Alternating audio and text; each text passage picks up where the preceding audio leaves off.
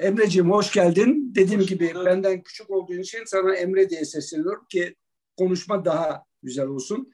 Ee, çok merak ettiğim bir konuda gerçekten enerji. Ama enerjiden daha çok ben uzun yol yolcusuyum. İzmir, Urla, Bodrum arasında ayda en az iki defa gidip geldiğim için sizin oralardaki merkezlerinizi çok kullanan bir e, kullanıcıyım. Sizin müşterinizim yani. O bakımdan da size edeceğim teşekkürler de var. Onları da yeri geldikçe teşekkürlerimi de edeceğim. Çünkü aldığım hizmetlerden dolayı gerçekten memnunum. Peki Emre şimdi seninle ilgili bir şey var. Daha onu da halledelim. Ondan sonra konuşmalara başlayalım. Tamam. Şimdi e, bu Google tabii hayatımızda bizim Google'da ve LinkedIn'de bir bazı insanlarla sorun var. Çünkü onların nerede doğduklarını, kaç yılında doğduklarını bulmak mümkün değil oralardan. Tamam Bazıları de yanlıştır. Mesela benim yaş günüm yanlış Google'da. Her gün bana her yıl benim yaş alakasız bir günde yaş günüm kutluyor insanlar. Şimdi senin baktım senin nerede doğduğunu ve kaç yılında doğduğunu göremedim. LinkedIn'de bile 18 Ocak'ta doğduğuna dair bir rakam var. Bir şey var ama bilgi var ama kaç yılında nerede doğdun, ilkokulu, ortaokulu nerede okudun o ben merak ederim insanların. Tabii, o yüzden tabii. nereden geliyor insanlar diye. Evet şimdi oradan başlayalım. Oradan başlayalım. Ee, ben 18 e, Ocak o doğru 1979 yılında doğdum. Ee, Şişli'de hatta şimdi bizim ofise de çok uzak olmayan bir yer. Kent sinemasının arkasında. Daha sonra e, ilkokulu da hatta yine ofise çok yakın bir yerde okudum burada. Şair Edim İlkokulu'nda. E, daha sonra işte Robert College, Boğaziçi, e, Ondan sonra öyle devam ettim ve iş hayatına atıldım. Anne tarafı e, şey göçmen Rodos'tan buralara gelmişler. Benim ailem... Rodoslusunuz. Evet evet. Anne tarafı öyle. Baba tarafı da Beykozlu. Ee, bizim aile enteresan. Benim dışında herkes akademisyen. Ee, anne baba profesör evet. E, hatta bugün annemle tabii bugünkü röportaj önemli bir şey. Bizim işte annemle konuşuyoruz. Sait Sevgener vardır dedi. Galiba Ertuğrul Bey'in sınıf arkadaşı TED Ankara'dan dedi. E, biz, onlar da beraber çalıştılar e, Ticaret Üniversitesi'nde. Kimdi adı? E, Sait Sevgener. Aa tabii tabii çok iyi bilirim Sait'i ya. Evet, çok evet, iyi arkadaşım. E, evet, evet. İşte onlar Marmara Üniversitesi yıllarca sonra e, Ticaret Üniversitesi'ndeler. Kardeşim de akademisyen. O da ceza hukukçusu. Bir tek ben böyle profesyonel hayattayım. Bir tek sen doğru düz meslek alın yani. Para kazanan meslek. yani işte biraz bazen tepki oluyor aynen dediğiniz gibi. E, öyle işte okullar bitti. Daha sonra da iş hayatına başladık. Bunun yanında stopu oynadım üniversite bitene kadar. E, şeydim de yani A milli, genç milli falan e, böyle para falan da kazanıyordum. Hep lise hayatından sonra hep öyle hayatımı şey yaptım, ikame ettim. Sonra da işte e, ufak bir Nestle'de kısa bir süre çalıştım. Daha sonra Shell'e girdim. Direkt ondan sonra da Almanya başladı. Peki e, yaşın çok genç ama 21 ülkenin filo e, evet, yönetim evet. başkanı olarak çalışması ve bayağı önemli ülkeler yani bunlar. Evet, bir de şey evet. doğru mu? Hala şu sırada Almanya e, dağıtım e, sisteminin yönetim kurulu veya öyle bir konseyinde yer alıyorsun diye bilgi var. Pazarlama konseyindeydim. Pazarlama hatta, konseyinde. Evet. Hatta Hamburg Üniversitesi'nde orada böyle misafir e, artık misafir akademisyen diyelim. E, ders de anlatıyordum. Böyle bizim konular üzerine, pazarlama falan üzerine. Ben e, işte başladım. 5 sene Almanya'da e, çalıştım. Shell'de farklı görevlerde. Sonra e, Manchester'a yolladılar beni. O ara işte evlendik. Eşimle beraber Manchester'a gittik. E, o burada işini falan bıraktı. Sonra Manchester, Londra geri geldik buraya. 4 sene e, Shell Türkiye'de çalıştım. Daha sonra beni tekrar Hamburg'a yolladılar. Pazarlama e, direktörü oldum orada. Almanya, Avusturya, İsviçre e, o bölgeden. O da değişik bir e, tecrübeydi benim için. E, hani Türk olarak işte bir 100 tane falan Alman. E, daha sonra e, Polonya iki sene. O Polonya'da da bu dediğiniz işi yaptım. Bu e, taşıt tanıma sistemi dediğimiz bizim. işte e, akari kartla ya da belli bir sistemle e, müşterilerin akaryakıt alması üzerine. Yani Almanya sınırından buraya kadar olan bütün ülkeler vardı. Bir de işte Afrika'da birkaç ülke, Rusya, Ukrayna. Peki filo, filo dediğimiz şey nedir filo? Filo nedir? Ne yani mesela şöyle diyeyim, e, diyelim ki Hürriyet gazetesinin araçları var. Ona Hı. biz bir filo diyoruz. E, ya ha. bunlar gazete taşıyor da olabilirler ya da e, işte sizin arabalarınızdır. Yani çalışanların. Toplu anlaşma yaptığınız şey. Evet, evet, evet. Onlara filo diyoruz. Onlara işte bazı ülkelerde kart veriliyor. Aslında Türkiye o anlamda çok ileri. Burada taşıt tanıma sistemi diye bir sistem var. Böyle bir halka takılıyor e, benzin şeyine, kap, kapağına. E, toplu anlaşmalar yapılıyor bu şirketlerle. Tamam. Tamam. Şimdi o zaman şuradan başlayalım. Ben üniversitede okurken genç bir sosyolog olarak şey e, öğrenci olarak okurken solcuydum tabii yani o zamanımız gibi bütün arkadaşlarımız gibi solcuydum. Ve bizim için emperyalizm deyince aklımıza gelen kuruluşlar vardı. Coca-Cola, IBM efendim ve bunlardan biri de işte Shell'di tabii petrol dev petrol şirketleri falan böyle. Ve bizim gözümüzde bunlar dünyayı yöneten şirketlerdi. Şimdi tabii büyüdük artık. Bunun ne olduğunu öğrendik falan. Orası bizim çocukluk hayallerimiz olarak kaldı. Çocukluk hayallerimiz de artık hayatımızı yönlendirmiyor. Ama yine de Shell nedir? Bana bir kısaca anlatır mısın? Yani bu Shell nedir? Merak ediyor insanlar. Çok uluslu bir topluluk mudur? Bir devlet şirketi midir? Nedir yani? Nasıl yönetilir? Sahibi kimdir? Halka açık şirket midir? Nedir? Biraz bilgi verirsek belki dinleyenler için de iyi olur. Tabii tabii. E, çok enteresan bir hikayesi var aslında. E, şey yapayım. Şimdi e, bu iki tane şirketin bir araya gelmesiyle hatta 23 Nisan 1907 enteresan bir tarih. Sizinle evet, bayağı enteresan olan bir tarih. E, aslında bu İngiliz tarafı işte Shell e, Trading ve Transportation denen neyse iki tane kardeşin kurduğu. Bunlar gerçekten orijinalde e, Asya'dan bu Shell'leri getirerek yani deniz kabukları evet deniz kabuğu getiriyorlar ve satıyorlar. Orijinalde bu. Sonra e, petrol bulunuyor falan bunu yapıyorlar. Diğeri de e, şey Hollanda Kraliyet Petrol Şirketi. E, bunlar 1907'de bir araya geliyorlar ve Royal Dutch Shell oluyorlar. Yüzde 60 e, Hollandalı, yüzde 40 İngiliz. İngiliz. E, bu şu Shell'ler de oradan geliyor zaten ve enteresan bir şey var. E, bizim bütün ürünlerimizin özellikle madeni yağ isimleri birer deniz kabuğudur. Yani helix bir deniz kabuğu adı. Tellus bir deniz kabuğu adı. Ve bizim Çok hala e, işte arşivleri var tabii şeyin. Orada böyle orijinal işte böyle 500 bin arası e, deniz kabuğu var. O ilk zamanlardan falan kalma saklanıyormuş. Çok enteresan. Ben evet. senin sözünü keseyim bir hatıramı anlatayım. Helix yağlarının lansmanında ben de görev aldım. Biliyor musun bunu bilmiyorum. Öğretim üyesiydim ben e, Bilkent'te. E, Bilkent değil, daha doğrusu Hacettepe Üniversitesi Beytepe kampüsünde işletme bölümünde. O zaman Nail Keçili'nin sahibi olduğu Grey Ajansı bana teklif etti. Helix kampanyasının lansmanı yapacakmış. Helix yağı çıkıyor 80'li yıllarda ilk defa.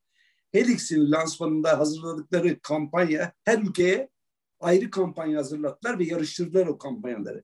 Beni de sosyolog olarak rasyonel yazmak üzere görevlendirdiler ve bölge sorumlusu Gray'in geldi beni tebrik etti çünkü benim yaptığım yazdığım lansman rasyonelini çok beğendiler. Ben Türk folklorundan şeyler koydum içerisine ve kampanyanın mantığını da değiştirdim birazcık falan. Ondan sonra bana iki üç daha iş verdiler ve para da kazandım yani Shell'den. Ee, daha doğrusu senin kampanyalarından. O yüzden Helix benim için özel bir yeri vardır hayatımda. Çünkü karıma param yoktu. İlk defa Vakko'dan bir elbiseyi Oradan yani Helix'ten kazandığım parayla aldım. Nereden nereye çok güzel gerçekten. evet. Şey, Peki. Ve, şimdi ve halka açık e, dediğimiz evet. gibi yüzde yüzü e, halka açık. E, öyle bir hani ana bir e, sahibi e, falan yok. E, borsaya kote hem Hollanda hem e, Amerika e, ve aslında tamamı mı halka açık yoksa ne kadar miktarı açık? Hiç aile şey yok. Tamamı açık. Tamamı halka açık. Aslında tabii bilindiği kadar da yani böyle hep şey diye düşünülüyor. Sizin bahsettiğinizi birçok insan düşünüyor. İşte Shell, BP birkaç şirket bunlar e, bütün petrolü çıkartıyor falan. Aslında öyle bir şey yok. Yani bizim belli bir çıkan petrolde belli bir payımız var. Genelde en büyük pay tabii devletlerin yani evet. şirketleri asıl bunu e, şey yaptığı için o tabii görüldüğü gibi e, aslında o kadar da böyle çok kontrol falan çok büyük. Ya çok büyük tabii de o düşünüldüğü gibi değil yani. Evet, evet. Peki şu anda kaç ülkede operasyonu var Shell'in dünyada? Yaklaşık 80 ülkede operasyonumuz var bizim. Evet. E, hem e, bir bizim tabii bir petrol arama ve çıkarma işimiz var. E, evet. Aralı aralı işte Türkiye'de de olmuş falan. Dünyanın tabii bu petrol çıkan yerlerde olan bir iş. Bir de e, yani basit anlamda anlayınca petrol ve gaz çıkarma, rafineri yapma, rafinerilerimiz var belli yerlerde yine. Bir de bizim bu downstream dediğimiz e, son ürünlerin müşteriye satılması işlerimiz. Bu daha çok ülkede olan kısım bu tabii. Bizim de burada gördüğümüz bizim Şelen Turkas'ın ana işi. İşte perakende istasyonları, e, madeni yağlar, bunların tedariği ve e, dağıtımı. E, yani bu bu iş aslında çok ülkede ve bizim de burada en çok gördüğümüz bunun yanında havacılık, kimya işi, işte deniz işi falan bunlar da irili ufaklı Türkiye'de yaptığımız diğer işler ama tabii buradaki ana e, amiral gemimiz e, perakende istasyonlar ve madeni yağlarımız. Peki şimdi bütün dünyada yani biraz karışık gidiyorum ama her konuya geleceğiz yani. Hmm, tamam tamam sıkıntı yok. Ben şey... ben ben yani ben bir sıradan bir vatandaşın merakı olarak soruyorum tabii, tabii. soruları. Çünkü hakikaten çok da merak ediyorum bunları. Bir Shell gibi bir petrol konglomerasının hı hı. bugünkü cirosunda en büyük pay nedir? Hı hı. Hala petrol çıkarma mı, petrol dağıtımı mı, kimyasal maddeler mi, yağ mı? Bir bunu öğrenmek istiyorum önce. Ciro biraz çok tam şey yapmıyor ama kar anlamında şey yapabilirim. Yani Shell e, şu anki işte 2019'da bu Covid'li seneyi atalım da yaklaşık basit olarak yaklaşık 20 milyar dolar e, para kazanıyorsa işte bunun o zaman yani şu anki petrol fiyatlarında işte 5 ila 6'sı aslında petrol çıkarmadan geliyor.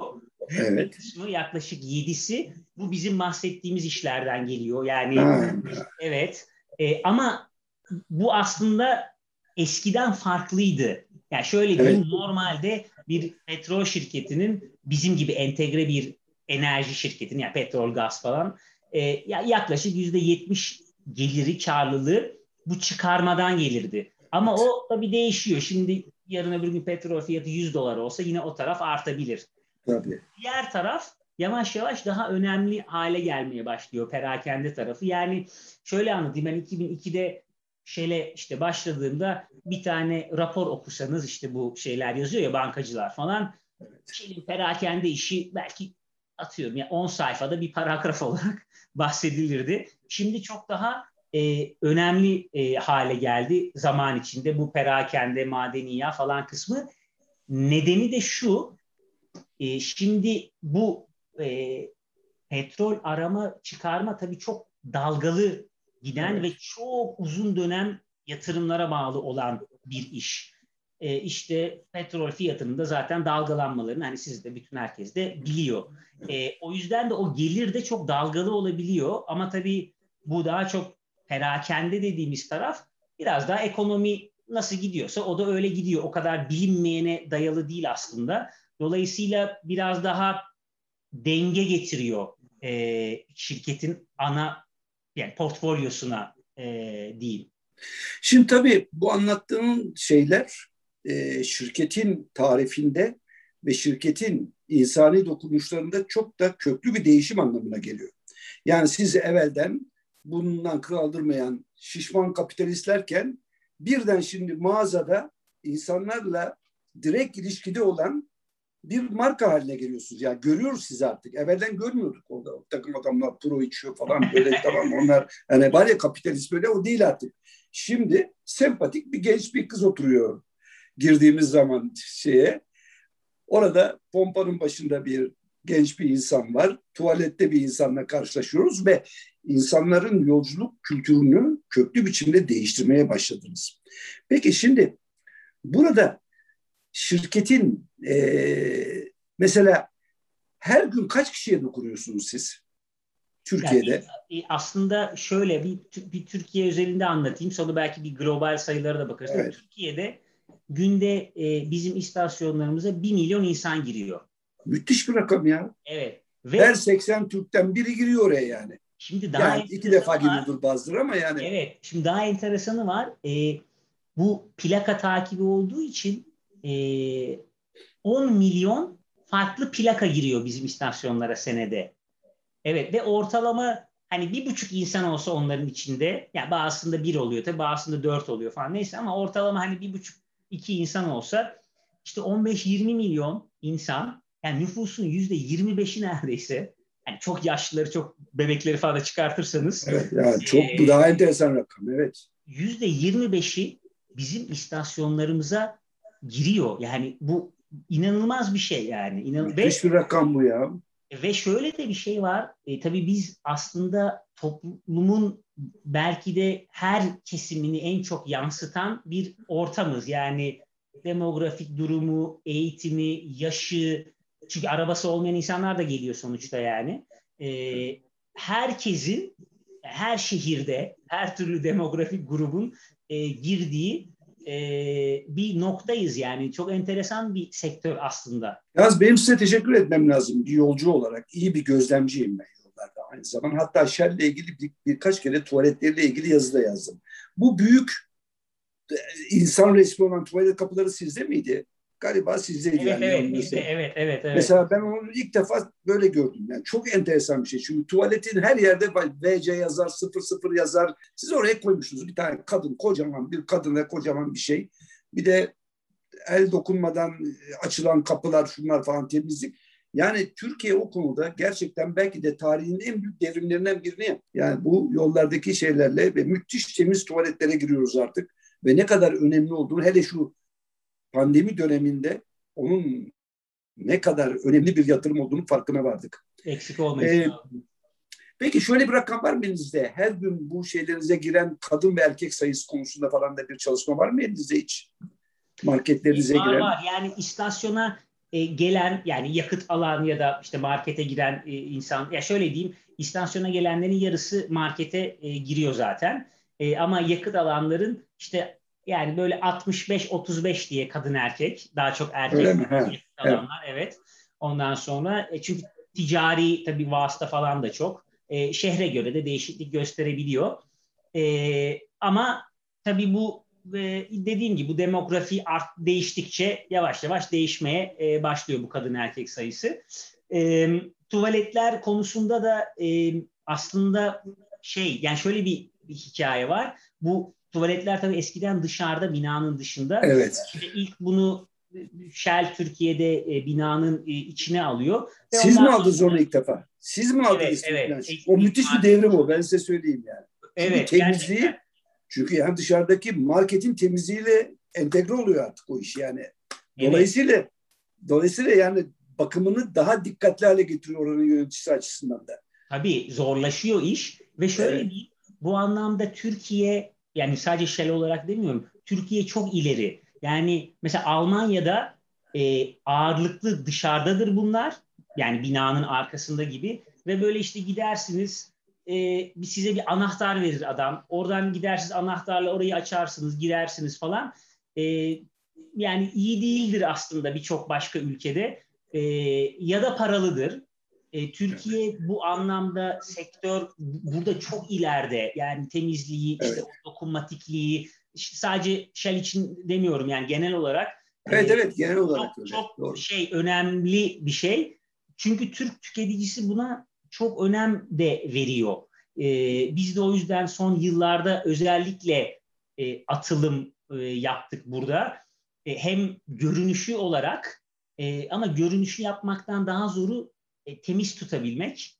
Evet. E, o yüzden evet. onunla çok uğraşıyoruz. Yani ben kendim de mesela hafta sonu böyle sivil e, yani insanlar bilmeden istasyonlar falan hani çıkıp böyle nokta nokta geziyorum. Hatta bizim arkadaşları arıyorum. İşte mesela kapının önünde birinin durması gerekiyor. Bakıyorum yok orada biri falan. İşte e, yani bunu bayağı uğraşıyoruz üzerine. E, bir de şey var bizde farklı olarak o da şirkette çalışan bir e, arkadaşın e, tecrübesinden e, ortaya çıkıyor. İşte kızıyla, ufak kızıyla bir yolculuktayken ya işte kendisi şey kızı erkek tuvaletine e, sokmak istemiyor. Kendi kadın tuvaletine giremiyor falan ve çocuk tuvaleti konsepti çıkıyor. İşte 500 istasyonda da e, çocuk tuvaleti var. Çok enteresan ya. Bak ben buna dikkat etmemiştim. Bir daha dikkat edeyim bak. Evet. Ya, çok enteresan bir şey. Hem, hem kullanılıyor hem de böyle yani böyle bir şirinlik de yani güzel tabii, bir şey tabii, tabii, markaya, tabii, ortama. Tabii. E şimdi yavaş yavaş ufak eklemeler yapıyoruz. Mesela 100 tane istasyonda böyle çok yeni e, tuvaletler var. İşte böyle içinde resimler var falan. Bayağı bir otel gibi gözüküyor yani. Evet, e, oraya evet, işte evet. mesela kadın tarafına e, ne bileyim kurutma makinesi, e, işte askı böyle çantaların falan asılacağı, böyle bazı tek kullanımlık şeyler bu tarz e, değişiklikler de yapıyoruz. Hani böyle biraz incelik olsun diye. Ama bir şey söyleyeyim mi? Çok samimi olarak kutlarım sizi. Çünkü Türkiye'de yollarda bundan 20 yıl önce en çok eleştirilen şeyi bugün dünyada en çok övülen hale getirdiniz yani. Bunu bütün yoldaki herkes şey yapıyor. Hatta geçenlerde bir yazı yazdım. İzmir'le İstanbul arası harika, Ankara arası harika. Fakat İzmir'le Bodrum arasında çok iyi şey bulamadım. Yani orada bir bir arıza var. Girdiğim birkaç şey dışarıdaydı bilmem neydi falan diye. Hatta bunu da yazdım. Çünkü öyle bir alıştık ki bu tarafta bu şeye. Ben sizin nereye girdiğinizi tahmin ediyorum.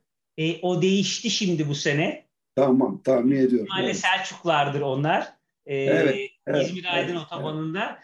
E, şimdi oraya gidin e, siyahla beyaz gibi e, oldu. E, o dışarıdaki yer değil artık. Market e, kocaman oldu böyle bir 200 metrekareye yakın. E, tuvaletler de marketin içinde e, şey e, yani güzel bir tecrübe yaşarsınız diye tahmin ediyorum. Şimdi bir son bir şeyde bunu konuşup onu kapatayım öbür konulara geçelim. Şimdi ben bu tuvalet meselesini sosyolojik olarak çok gözlüyorum sosyolog olduğum için. Mesela son Madrid'e gitmiştim. Ee, Real Madrid, e, Real Sociedad, Atletico Madrid maçının derbisi vardı. Orada devir arasında girdim. Kadın tuvaletlerin önünde inanılmaz bir kuyruk var. Erkek tuvaletlere giriyorsun, yapıyorsun, çıkıyorsun. Anladım ki orada bütün bu konsept hep erkeklerin çok fazla, kadınların çok az olduğu üzerine yapılmış ve bunun değişmesi lazım. Şimdi marketlerde de herhalde bu artık yavaş yavaş kadın tuvalet sayısı, erkek tuvalet sayısı bizde değişmeye hep aynı. başladı yani. Ee, bizde hep aynı o. Kadın erkek e, yani eşit. Şey eşit evet. Ee, şey de öyle. Ee, çalışanlar için tabii bizim soyunma odalarımız var mesela. Onlar da hep kadın erkek eşittir. Kadın o da çok iyi. Evet. Onda Apple'ın Cupertino'daki yeni binasında gördüm. Kadınların ha. önünde anormal bir kuyruk vardı. Yazdım hatta bunu. Apple'slar bana ya dediler. İyi ki söyledin bize falan. Ya erkek tuvaletlerin önünde kadınların önünde şey var. O yüzden hatta şeyde e, Disney'in Pixar stüdyolarına gitmiştim ben. Orada kadın erkek ayrımını kaldırmışlar tuvaletlerde. Ha, olabilir. Evet. evet. Yani tabii bizde o, o var şey ama hepsini e, eşit yapıyoruz. Soyunma odalarını falan da. Kadın çok çünkü kadın istasyon çalışanlarımız da çok yani şimdi ona da değiniriz belki bir süre sonra. İşte oraya gelirim. Ben de oraya gelmek istiyorum. Evet. Ha, e, çünkü ya şimdi şöyle siz de zaten hani meslek olarak işte dediğiniz yani toplum sonuçta bizler hem bir noktada bazen toplumu işte belki ileri götürebilecek şeyler e, yapmaya çalışıyoruz. Yani elimizden geldiğince. Ama genelde toplum da bizi şekillendiriyor aslında. Dolayısıyla birçok konuda hani o değişime biz de hep e, ayak uyduruyoruz ya da değişimin işte öncüsü olmaya çalışıyoruz elimizden geldiğince böyle önemsediğimiz konularda. Şimdi bu kadın e, Şimdi oraya geleyim ben bir şey sorayım önce. Orayı sen soruyu değiştirerek başlayalım. Şimdi bütün konuştuğum CEO'larla tabii ki ben kadın meselesini konuşuyorum. Yani bu dünyanın şu anda en önemli meselesi bu yani. Şimdi bizim çocukluğumuzda, gençliğimizde benzin istasyonu karşımıza çıkan insan adı tırnak içinde pompacıydı. Pompacı da kötü bir kelime. tamam mı? Şimdi pompacı da bir erkek tabii. Ve o zaman bir de üstelik de yani hakikaten hırbo bir erkekti yani. Pompacı genellikle böyle şey görmedik. Kadın pompacı ise böyle e, ne bileyim işte şeyin e, Pirelli'nin takvimleri vardı. Oralarda kızlarla gördük böyle yıkanıp şeylerle falan bir seks sonra. Ama şimdi artık gerçek anlamda kadın kadın da görüyoruz. Bir kere pompacının adı ne oldu? Hala pompacı mı yoksa? Yok. Ne Biz onun adı? Ön sağ, ön sağ çalışanı diyoruz. Ha, çok sağ güzel. Çalışanı, Tabii. market çalışanı. Ee, yani ya biz zaten tabii iş yani kullanmıyorduk ama tabii halk arasında hala çok kullanılıyor. Biz hep böyle gördüğümüzde şey yapıyoruz işte ön sağ çalışanı. Ama bu çok önemli bir şey. Bakın burada ben küçük bir şey anlatayım size. Ben yıllarca önce bundan 15 yıl önce Beymen'e gittim bugün. Alışveriş ediyorum. Orada bir tane çocuk geldi bana ama nasıl sempatik bir çocuk. Nasıl bir sempatik çocuk. Bana anlatıyor ve beni tanımıyor kim olduğunu da. Anlattı anlattı falan. Ben her gün bir yazı yazdım. Dedim ki satış elemanının önemi diye yazdım. Tamam nasıl beni tavladığını çocuğun böyle psikolojisi, güzel hikayesini yazdım. Sabah saat 9'da o zaman rahmetli oldu şimdi öldü. Vitali Akko aradı beni sabahleyin. Dedi sana gelebilir miyim? Ben de korktum. Zannettim ki Beymen'in şeyini yaptım bana kızacak falan diye. Hani geldim. Biraz sonra kapı elinde bir çikolata, Vakko çikolatasıyla geldi çikolatayı önüme koydu. Sana teşekkür etmek için geldim dedi. Yıllardan beri bu meslekteki seviye yükseltmek için tezgahtar kelimesi yerine satış elemanı kelimesini kullanılmasını savunuyorum. İlk defa Türk basınında senin köşende satış elemanı kelimesini gördüm dedi. Hiç unutmadım bu şeyi. Yani hakikaten o yüzden de mesela ben hiçbir zaman şoför falan demiyorum. Şey, yardımcı diyorum, asistan diyorum falan. Bu, bu insanların şeyini yükseltiyor yani. Demek ki orada da artık çok önemli.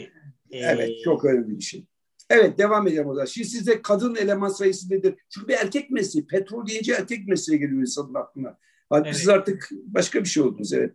Şöyle e, bu 2018 yılında e, başlayan bir e, proje Shell'de Kadın Enerjisi diye e, işte mesleğin kadını erkeği olmaz diye hatta Meltem'in e, çıkardığı bir e, mottoyla e, o zaman işte iş kurla falan başlamış bir çalışma 5 e, yılda 5000 kadına istihdam sağlama e, amacıyla yola çıkılmış. Şu anda işte 3. senedeyiz. Biz 3000 kadına e, istihdam sağladık bu 3 sene içinde. Evet. E, ve şimdi şöyle bir şey var tabii. Bu e, bir sosyal sorumluluk gibi düşünülebiliyor. Çıkış hani mantığı da falan bazen o aslında bizde de oymuş. Fakat hani biraz önce işte bahsettik ya toplumdan, e, toplumun hareketinden. E sonuçta bizim istasyonumuza gelen insanların bir kısmı kadın. Sonuçta o istasyonda aslında o toplumu yansıtıyor olması lazım çalışanlarıyla. Birincisi bu var bunun arkasında. İkincisi de şu var. E, bu yani e, müşteri memnuniyeti bu sizin bahsettiğiniz konu işte. E, biz bunu ölçüyoruz tabii sürekli birçok şekilde. İşte gizli müşterimiz var, geri bildirim falan filan. E, bizim kadın çalışan istasyonlarımızda işte 2019'da ortalamanın yüzde üç üzerinde bu memnuniyet, 2020'de yüzde altı üzerinde. Yani aslında e, bu bir sosyal sorumluluk da değil aslında o kadar bizim için. Gerçekten sosyal de, gereklilik haline Evet, işte ileride götüren bir şey. E, dolayısıyla biz bunun çok pozitif etkisini görüyoruz. İşte kullanılan e, dil değişiyor. Herkes biraz daha kendine çeki düzen veriyor. Hem müşteri hem e, diğer çalışanlar. Ve e, hep şey diye bir algı da var. Ya işte büyük şehirde oluyordur İstanbul'da falan. Öyle değil. Yani Anadolu'da da e, kadın çalışan e, olan istasyonlarımız çok var. Bu biraz oradaki işte bayinin inanması, eşinin bazen e, inanıp ön ayak olması. E, yani çok farklı şehirlerde e, çok güzel örnekler var. İşte Konya'da bir istasyonumuzda madeni yağ uzmanı var bir kadın. E, beş katına çıkardı madeni yağ satışlarını mesela. Ciddi mi söylüyorsunuz ya? Evet. E, üniversite öğrencisi olan e, ya hem kadın hem erkek tabii var. E, çok değişik e, çok değişik profiller var. Böyle biraz hani bazen İstanbul'daki bazı istasyonlar böyle bir Amerikan vari bir ortam da olabiliyor. İşte dövmeler falan, kadın veya evet, erkek. Evet, evet, evet, yani evet. işte değişimle beraber oralarda e, değişiyor. Güzel bir hava oluyor. Peki e, Shell'in totalinde kadın çalışan oranında hakkında bilginiz var mı? Bizim e, Türkiye'de bizim yönetim ekibimiz işte yüzde elli aslında kadın erkek. Yönetimde. E, evet evet. Öyle Ondan, mi? Çok iyi bir rakam bu ya. Evet yani. evet. E, ve Shell'in böyle bir vizyonu da var. Hani 50-50 yapmak üzerine. E, ondan sonra toplama baktığımızda da yüzde 35 civarında kadın. Çok iyi. Ama bakın dünyada ne kadar büyük bir çelişki var. Şu anda kadın meselesinin problem olarak en fazla olunduğu yer dünyanın en gelişmiş teknolojisi Silikon Vadisi'nde. Yönetim kurullarında daha hemen hemen hiçbirinde aşağı yukarı kadın yok. Birkaç şey geldi Facebook'un falan başına geldi bir, birkaç kadın ama Yani öbür sektörlerden geri ve Amerika'da çok eleştiriliyor bu. Silikon Vadisi hala bir erkek şeyi olarak kaldı diye.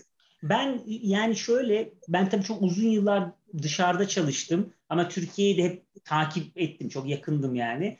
E, bu e, beyaz yaka yönetim şeyinde aslında Türkiye birçok ülkeye göre çok ileri olduğunu düşünüyorum. Evet, evet. E, şeyde daha çok problem oluyor. Yani kadının gücüne eşit anlamda katılmasında belki daha çok problem olabilir evet. ülkemizde. Farklı farklı sebeplerden dolayı. Bunun işte sosyal yönleri de vardır belki ama e, şeyde beyaz yaka yönetici e, kademesinde ben Türkiye'nin e, kötü bir durumda olmadığını düşünüyorum genel olarak. Evet. Şimdi o zaman gelelim e, yani sizin sektörünüzle ilgili bütün dünyada konuşulan şeylerden biri çevre korunması, iklim, şu bu falan meselelerinde. Şimdi bugün Zorlu grubundan bir şey geldi, açıklama geldi, onu okudum. 2030 yılında karbon emisyonunu sıfıra indireceklermiş. Böyle bir şeyle buluşmuşlar. Hı hı. Tabii bu konuda dünyada herkesin gözünün üzerinde olduğu şirketlerden, sektörlerden biri sizin sektörünüz. Sizin bu konuda neleriniz var, çalışmalarınız var yani iklim ve çevre. Bir de şimdi bu Amerika'da Biden yönetimi de bu iklim şeyine girince artık çok önem kazandı bütün dünyada bu. Sizin bu konudaki şeyiniz nedir, durumunuz nedir? Biraz bunu da anlatır mısınız bana? Plastik maddeler konusunda, e, karbon salınımı, işte iklim falan konularında. Tabii. Ee, şöyle biz 2050'ye kadar biz de net zero yani bu işte karbonu sıfıra indireceğimizi e, taahhüt ettik. E, işte Paris Anlaşması'nı destekleyen başta şey yapılan savunan şirketlerdeniz. E, ve dolayısıyla bu yolda bazı adımlarımız var. Burada tabii şunu da söylemek lazım. Bizim kendi operasyonumuzdan karbon salınımımız aslında oldukça düşük. Bizim karbon salınımımız aslında işte müşterilerin araba kullanması, uçması buradan çok geliyor. Orayı da tabii değiştirmek evet, aslında... Biliyorum, biliyorum. Yani giyim sanayinde sizden daha fazla o konuda. Heh, evet. Yani dolayısıyla o da yine o kısma da bağlarız toplum kısmına e, ve e, toplumlara, ülkelere. E, ama hani onu şimdi anlatırım sonra ama biz ne yapıyoruz burada? E, şimdi iki tane konu var burada önemli Ertuğrul Bey. Bir tanesi e, enerji talebi çok artıyor. Neden? Çünkü işte biz istiyoruz ki hop arabama bineyim gideyim işte hop iPad'imi şarjı takayım şarj olsun. Basayım klima e, çalışsın işte basayım ısı artsın insin. Hani insanoğlu çok şey istiyor. Hepsini de her an olsun istiyor. E, ve e, bazı ülkelerde daha gelişmekte oluyor ya da hiç gelişmemiş olan gelişmeye başlıyor. Nüfus artıyor falan. O yüzden enerji talebi çok artıyor. Yani bugün 1 milyar araba var. 2040'da 2 milyar olacak deniyor mesela. Çok önemli bir rakam. Şimdi bir bunu karşılamak bir de bu karbonu nasıl e, e, azaltacağız? Biz e, bu anlamda işte 2016'dan beri bizim yeni enerjiler diye bir bölümümüz var global olarak. Neler yapıyoruz? Dünya elektrifikasyona giderken hem arabalar hem teknoloji yani şeylerde, sanayide biz de bu anlamda yenilenebilir enerji üretimimizi, elektrik üretimimizi arttırıyoruz. Bu da nasıl oluyor? Çünkü elektriği şey kömürden yaptığınızda hiçbir anlamı yok yani karbon salınımına. Yani yenilenebilir olması lazım. Bu anlamda e, rüzgar ve e, güneşe ağırlıklı yatırım yapıyoruz. Bir örnek vereyim. Yani şimdi çok var tabii örnekler ama bir, bir örnek vereyim. İşte Hollanda'da en son bir e, rüzgar çiftliği yatırımı yapılıyor deniz üzerinde. Ada yani, evet, ada yapılacak. Ha, ada gibi böyle aynen öyle bir şey. Evet, 800 evet. megawatt elektrik işte üretilecek. Bunun e, 400'ünü işte Amazon alıp o da kendi operasyonlarında tabii karbonu azaltmak istediği için e, onu kullanmayı taahhüt ediyor. İşte İngiltere'de en son bir e, şirket satın alması yaptık. E, şeyden e, elektrik sokak lambalarından araba şarjı, araba şarj ediyor. E, e, Nasıl bir şey o? Ben hiç duymadım onu. Evet yani çünkü herkesin şimdi otoparkı yok ya da öyle hani İngiltere'de falan böyle yerlerde sokağa park ediyor sonuçta adam. Elektrik lambalarından bir şarj sistemi. E, tabii yavaş yapıyor ama bütün gece boyunca yapıyor. E, bunun yanında e, bir 2017'de e, New Motion diye bir satın alma yaptı Shell yine. E, bir 50 bin şarj noktası vardı Avrupa'da dört büyük şehirde. Şimdi o e, 185 bine çıktı. 2025'te 500 bine e, çıkartma planı var. Evet tabii her ülkenin işte gelişimi ayrı bu konularda farklı farklı e, sebeplerden dolayı. E, hani Batı Avrupa biraz daha hızlı gelişiyor ama bunun yanında mesela Çin de çok hızlı. Çin'de yani Shell Recharge dediğimiz böyle nasıl diyeyim 30 tane e, şarj makinesi olan sırf ve şarj makinesi olan Shell istasyonu var mesela. Sırf Öyle mi? Aa, evet evet var böyle şeyler. Geliyor bunlar. E, Türkiye'de de biz şu anda 5 tane var. Yavaş yavaş gelişiyor. E, tabii bu yine müşterinin seçimi, altyapının oluşması birçok faktör var ama bu hayatımızda e, bir önemli bir yer e, alacak. Yenilenebilir enerjiden elektrik üretip bunu Peki bir şey sormak istiyorum ben. Sizin şöyle bir hesabınız var mı ya bir bir tahmini projeksiyonunuz var mı? Arabalarda petrol kullanımı hangi ne zaman bitecek? Çok yakın zamanda bitmeyecek. Nedenini de yine şöyle anlatayım. Ee, şimdi dediğim gibi 1 milyar araç var. 2040'da 2 milyar olacak bu. Yani bunun %25'i elektrikli olsa desek e, hala bugünkünden çok e, içten yanmalı araç olacak. Çünkü bir anda yok olmuyor ya bir ortalama 15 sene falan bir araç parkının değişimi. Yani %25 de iyi bir rakam o zaman eğer olursa. E, ama hala e, büyük bir içten yanmalı segment olacak. E, bu, burada tabii dizel büyük ihtimalle yok olacak. E, şeyde araçlarda hani ağır vasıtada kalabilir de araçlarda araçlar ağırlıklı benzin olacak. Onun verimliliği artacak. Yani hala hazırdaki teknolojinin de verimliliği artacak. Biliyorsunuz işte ne bileyim 4000 5000 motor araçlar vardı. Şimdi 1000 motor araç var. Yani motosiklet gibi neredeyse ama çok güzel gidiyor. E, dolayısıyla yani petrol ve türevleri bizim hayatımızda olacak. Çünkü o toplam talep hep artarak devam ediyor. Evet. Yani hani tam o istediğiniz şey belki cevabı. Yani evet, evet. Hayır, ama... ben, ben biraz yani şaşırdım. Ben sanki yani öyle bir o, tabii okuduğumuz şeyler bizi çok etkiliyor. Yani bana bana göre 30 bin yani 2030'da artık benzinli araba kalmayacak falan gibi bir duygu taşıyordum ben. Şimdi sizin söylediğiniz şey tabii enteresan yani. Ben doğrusu ama düşünüyorum yani haklısınız. 2 milyar araba olacaksa yani şimdi bazı ülkelerde çok azalabilir bu. Yani işte mesela evet. şey örnekleri veriyor. İşte Norveç'te ya şimdi çok ekstrem örnekler Norveç falan. Ha, tabii ki tabii onlar birazcık daha sofistike ülkeler bize göre. Yani evet. Şimdi dün akşam Netflix'te bir İtalyan filmi seyrettim böyle belgesel tarzda yapılmış. 1961 diye. 1961'deki İtalya'yı anlatıyor. Ya Türkiye'nin aynısı o zaman. Yani benim İzmir'deki mahallemle Milano'daki, Napoli'deki mahalleler aynı. Fakat açmış sonra onlar arayı. Orada mesela küçük Cinquecento'ların çıktığı fiyatların ya yollar yollar hazırlık değil mi çünkü İtalya'nın daracık sokakları o yollardaki şeyi anlatıyor filmde ve sıkıntısını anlatıyor milletin o yıllarda. Şimdi düşün yollar genişledi ama 2 milyar araba geldiği zaman bunun yani ne olacağı e... şimdi bir şey daha gene dönelim şeylere yollara. Ama ben bu, çok bu bir problem yani. Bu tabii ki çözülecek. Şirketler rol oynayacak bunda falan ama dediğim gibi siz de bir Biden dediniz oradan şey yapacağım. E, ülkeler ve toplumların davranışı burada aslında şirketlerden daha öne geçiyor. E, evet. Biz böyle senaryolar yapıyoruz. Şimdi senaryo ekipleri var dünyada. İşte 2050'ye kadar senaryolar falan diye. Onlara da hep sosyolojik açıdan bakılıyor ve hep sosyologlar e, aslında yönetiyor o çalışmaları. Böyle ünlü sosyologlar. Çünkü genelde orada şeye bakılıyor. İşte en sonuncusu bu islands ve mountains diye yani adalar ve e, şeyler, dağlar.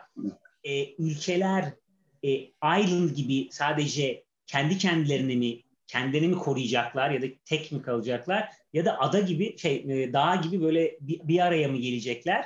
Yani. E, eğer bir araya gelinirse ve e, koopere edilirse e, bunun çözüleceği ya da daha iyi çözüleceği ama herkes ada gibi davranırsa çözülemeyeceği. Yani bu aslında bu ülkelerin dediğiniz işte yani çok politikaya girmek istemiyorum tabii de politikacıların, ülkelerin davranışlarıyla çok alakalı.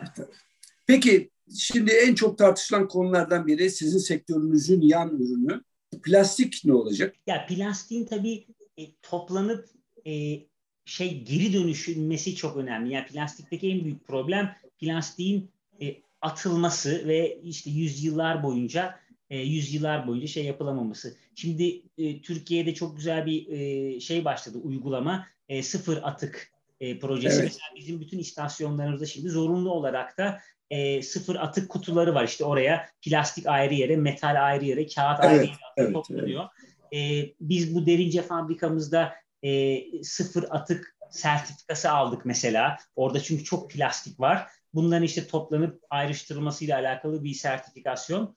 Dolayısıyla e, şey yapıyoruz ya yani o konuda çalışmalar var. Bir de bu Shell'in global olarak bu e, plastik atıkları sonlandırma birliği diye bir e, kuruluş var. Büyük şirketlerin ve e, bazı STK'ların üye olduğu. Biz de onun üyesiyiz. Orada birçok çalışmalar yapıyoruz. İşte ağırlıklı bu bizim madeni yağ mesela e, şeylerinin kutularının geri dönüştürülmesi falan gibi çalışmalar. Yani plastik olacak ama bunu en aza indirip ve şey yani e, nasıl diyeyim recycle etmemiz, tekrar geri döndürmemiz çok önemli. Peki şimdi hazır sizi yakalamışken tekrar biraz markete dönelim mi sizin? Yani dönelim, çünkü tamam. biz biz kullanıcı olarak en çok sizinle orada beraberiz yani. Dolayısıyla. Şimdi ben e, Amerikan filmlerinde falan Avrupa filmlerinde görüyorum ve marketlerde yani bu yol boyunca insanlar arabalarda falan en çok böyle kahve içerler. Sizde de Starbucks var, kahve dünyası var benim bildiğim kadarıyla şeylerinizde. Ee, oralarda Türk alışkanlığı değil, Türkler, Türkler evvelden biz baran otobüslere giderken çay içerdik. Şimdi birden kahve içmeye başladık yani. Evet. Siz bunu gözlüyor musunuz? Var mı böyle bir şey yani? Nasıl bir gelişim var. oldu? Ne, ne kadar kahve satıyorsunuz mesela? Günde var. E, var. Türkiye evet bu kahve toplumu olma yolunda gidiyor. E, biz e, dünyada e, 150 milyon bardak kahve satıyoruz bütün dünyada. Günde. Efendim? Yok senede 150 milyon. Senede 150 milyon. Evet 150 milyon. E, Türkiye'de 3 milyon. Yapmayın ya. Bütün Hı-hı. dünyadaki 150 milyonun 3 milyonunu Türkiye'de satıyorsunuz. Evet. Mesela Almanya 22 milyon işte. E, Türkiye 3 milyon ama Almanya kişi başı 146 litre kahve tüketiyor. Sudan fazla yani. Evet, evet, evet. E, e, 3 milyon. E, bunu işte 6 milyona aslında gelebileceğini bir iki sene içinde e, planlıyoruz. Ona göre işte makineler yerleştiriyoruz falan.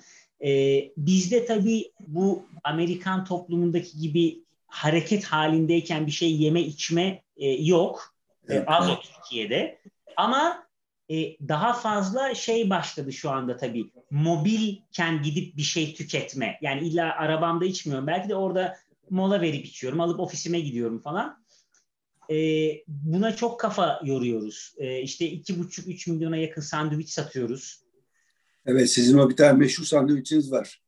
Evet, Neydi o? Bilmem ne to go. Evet, İkiye deli, yazdınız böyle. Evet, deli, evet. deli to go. Ee, ha, deli to go, evet. Deli to go. Kendi evet. markalarımızı, ya şey kendi ürünlerimizi geliştiriyoruz. Onların evet. reçeteleri hep bize ait. Ya başka birileri üretiyor bizim için ama reçeteleri biz şey geliştiriyoruz. Ee, işte Türk damak tadına uygun yapıyoruz. Şimdi en son kaşarlı döner çıktı. İşte kaşarlı kavurmalı bazlama var. Ee, Oo, kavurma ve döner de girdi yani şeye. Evet evet markete. şimdi e, köfte gelecek. Beyoğlu çikolatası hmm. var. Deli to go. Ee, çok enteresan. Evet evet. Ee, Peki yani, ne diyeceğim? Bayilerde en çok hangi ürünler satılıyor? En çok, ya sigarayı ayrı tutuyorum tabii sigara çok satılıyor. Ee, hmm. Onun dışında en çok satılan bizde enerji içecekleri çok satılıyor. Yani soğuk. Enteresan. Evet, ya su tabii, yani su en çok satılan e, ama sudan sonra e, enerji içecekleri ve e, şey e, yani gazlı içecekler diyelim ama enerji içeceği bizim seg yani bizim e, kanal için e, oldukça şey önemli. E, yani biz de onlar için önemliyiz, onlar da bizim için önemli. O çok satılan bir şey. Peki bir şey merak ediyorum. Ben ya ben göremiyorum ya da görünen yerlerde değil ya da yok. E, şekersiz içecek bulamıyorum ben e, yol üzerindeki marketlerde. Acaba ben mi bulamıyorum? Var. Yani şöyle var, var. Bizde e, şunlar var. Bir e, aslında bizde çok enteresan bir ürün grubu var bu arada. E, böyle işte e, görürsünüz belki yeşil mucize falan. Yani çok gözükmüyor çünkü çok az satılıyor genelde ve raf ömrü sadece 4 gün. Soğuk sıkım e, karışım meyve sularımız, e, sadece 4 gün soğuk sıkım ömrü var. Bir onlar var. Onlar gerçekten çok böyle şey. Yani ne diyeyim premium ürünler. E, ama onun dışında e, organik meyve sularımız da var. Yine bizim markamızlı Deli to Go. E, başka markalı da var. Bizim markalı olanımız da var. Onlar da satılıyor. Ama şu konuda haklısınız. Şeyleri ben de ona kafayı takmış durumdayım. Yavaş yavaş değiştiriyorum işte. Yani e, bu facing dediğimiz evet. raftaki şeyleri daha az tabii. E, evet. Ama biraz daha onu arttırmak gerekiyor. Biz de onun üzerine şey yapıyoruz.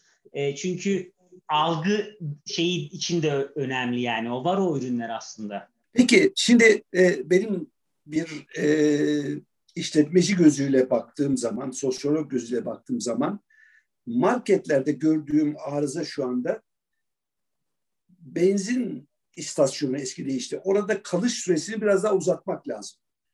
Onlar bana kısa görünüyor. Yani giriyorsunuz, tuvalete giriyorsunuz, bakıyorsunuz gözünüze çarpan bir bisküvi varsa alıp çıkıyorsun biliyorsunuz. Acaba ileride o konseptin gelişlemesi ihtimali var mı projeksiyonunuzda böyle yani? Orada mesela 5 dakika kalıyorsa 10 dakika ama tabii 10 dakika kalması sizin aleyhinize de olabilir. Çünkü girip giden sayısının artması daha önemlidir belki bilmiyorum yani. Yani aslında şöyle bir e, vizyon var. E, nasıl diyeyim? Yani şöyle ortalama bir e, perakende müşterisi evet. bizim istasyona yani haftada bir, 10 günde bir 10 günde bir geliyor yakıt almaya. Evet. Bu insan e, her gün bir şey yiyor, içiyor. İşte bu meyve suyudur, kahvedir, tosttur, poğaçadır. Her gün yapıyor bunu. Belki birden fazla kez yapıyor aslında günde zaten de. Ama her gün yapıyor. E, ve bunu yine toplumlar biraz daha böyle mobil olmaya başladıkça ve hani tek tekli aile ya da e, tekil yaşamaya arttıkça e, dışarıda tüketimde otomatikman artıyor. Dolayısıyla buradaki bizim aslında vizyonumuz e, ben 10 günde bir karşıladığım müşteriyi neden her gün yakıtından bağımsız ya da yürüyerek işte arabasından evet. bağımsız evet. istasyonuma getireyim ve e, yani benim markama güveniyor. 100 senedir işte burada Shell, bayisi 100 senedir bu ülkede. İşte bir tedarik zinciri belli, ürünlerden geliyor, nasıl yapılıyor belli falan. Ee, bana bu kadar güvenen kişi benden aslında poğaçayı da yer, e, sandviçi de yer, meyve suyunu da içer. Biz biraz ona yani ona evriliyoruz. Yakıt almayla illa bağlantısı olması gerekmediğini düşünüyoruz ki birçok ülkede de böyle şey var. Yani benim vizyonum işte ne bileyim ben e, Ertuğrul Bey'i işte sabah işine giderken sadece yakıt almak için değil de her gün bana kahve almaya eğer şey yapabilmişsem e, büyük bir değişim olur bu tabii. Hem bizim özelimizde hem de e, şey için, sektör için. Peki ne kadar Deligo sandviç satıyorsunuz? 3 milyon falan. 3 milyon. Ya bunlar büyük rakamlar ya. Yani rakamlar. gerçekten çok büyük Ve rakamlar çok yani. Bilmiyor. Ya şöyle diyeyim. Evet yine işte o sosyolog gözüyle bakınca şimdi o, e, o istasyondaki akaryakıt e, transaksiyonu aslında çok kapalı devre. Yani giriyorsun, alıyorsunuz yakıtı, giriyorsunuz. Hiçbir şey görmüyorsunuz. Bazen kredi kartıyla ödeyip çıkıyorsunuz. Aslında orada bütün o sandviçler şunlar bunlar duruyor ama hani insan şey yapmıyor, alışılmamış. E, o, burada tabii işte denetmek, e, önermek, gelen kişilere sormak bunlar çok önemli hale geliyor. Çünkü bir denedi mi aslında alışıyor insanlar buna. Seviyorlar da kaliteli ürünler. Evet Ama evet yani ben ben şey mesela oluyor. bazen şimdi bir de şu var tabii yani e, sizin raflama sistemleriniz şu bu falan müthiş modernite getirdi yol boyundaki şeylere. Yani eski yol boyundaki o orada işte e, helva satan bilmem ne satan dükkanlardan e, çok farklılaştırdı şeyi. E, ve insanda alışveriş duygusu veriyor. Yani bazen mesela ben gelirken yolda son noktalardan bir yerde durayım, ev içinde gerekli birkaç şey varsa eksik onu alayım oradan eve de gideyim diye bakıyor.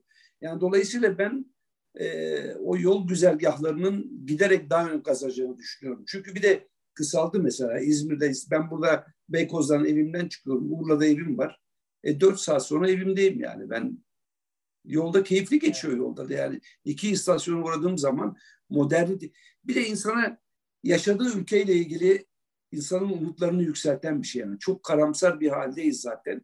Dükkana girdiğiniz zaman ya benim ülkem modern. Ben bunu yani Türkiye'den çıktığınız zaman Vallahi ben bakıyorum yani Avrupa'da çok az yerde görüyorsunuz bu kadar modern bir e, pazarlama şeyi, bu kadar zengin dükkanlar falan. Hepsinden ben çok daha ileri görüyorum Türkiye'nin o durumda. Ve bunda sizin çok büyük payınız var yani gerçekten. Sağ olun, teşekkürler. Eksik olmayın. Özellikle... Vallahi ben çok merak ettim bu konuları. Çok da güzel şeyler öğrendim. Yani sizin var mı başka söylemek istediğiniz bir şey? Ama yani bana gazeteci olarak çok güzel şeyler çıktı buradan. İyi süper. Çok sevindim. Çok teşekkürler. Ee, yo biz her şeyi e, şey yaptık bence e, konuştuk.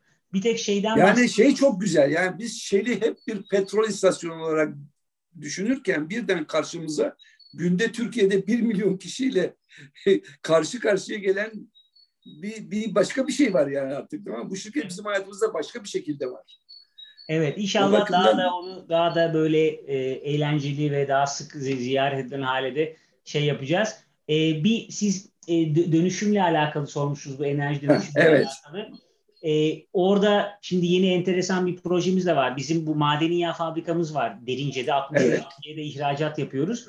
Onun bütün işte o tavanını fabrikanın şey yapacağız. E, solar paneller ve işte elektriğini e, oradan e, mümkün olduğunca karşılamasını sağlayacağız. Bir o enteresan bir şey. Evet. Bir de e, bazen çok bilinmeyen ama aslında önemli olan bir yönümüz var. Bizde istasyonlarda şey var, engelsiz hizmet alanlarımız. Ha, onu da gördüm, onu da gördüm. E, ben, bu evet, mavi tam girişte. E, evet. Onu da bir yani öncülük olarak yaptık. Şimdi devam ediyoruz. Yeni kampanyamızda falan da biraz üzerinden geçiliyor o konunun. Yani bu tarz böyle ufak dokunuşlarda e, şey yapmaya e, yapmaya çalışıyoruz. Hani hep böyle ileride olmaya çalışıyoruz. İşte bir adım bu market olabilir, sosyal sorumluluk olabilir. İşte Ferrari ile geliştirilen akaryakıtların sürekli geliştirmesi olabilir. Hani hep bir adım önde olmaya, ileride olmaya çalışıyoruz. Evet ben bir de şeye de dikkat ediyorum yollarda. Hep onu çok yani gözlemeye çalışıyorum onu da. Ee, bu pandemi e, koşullarına dikkat ediyor hep içeride bakıyorum. Yani tuvaletlerde mesela o erkek pisuarlarının ayrılıyor hemen birbirinden.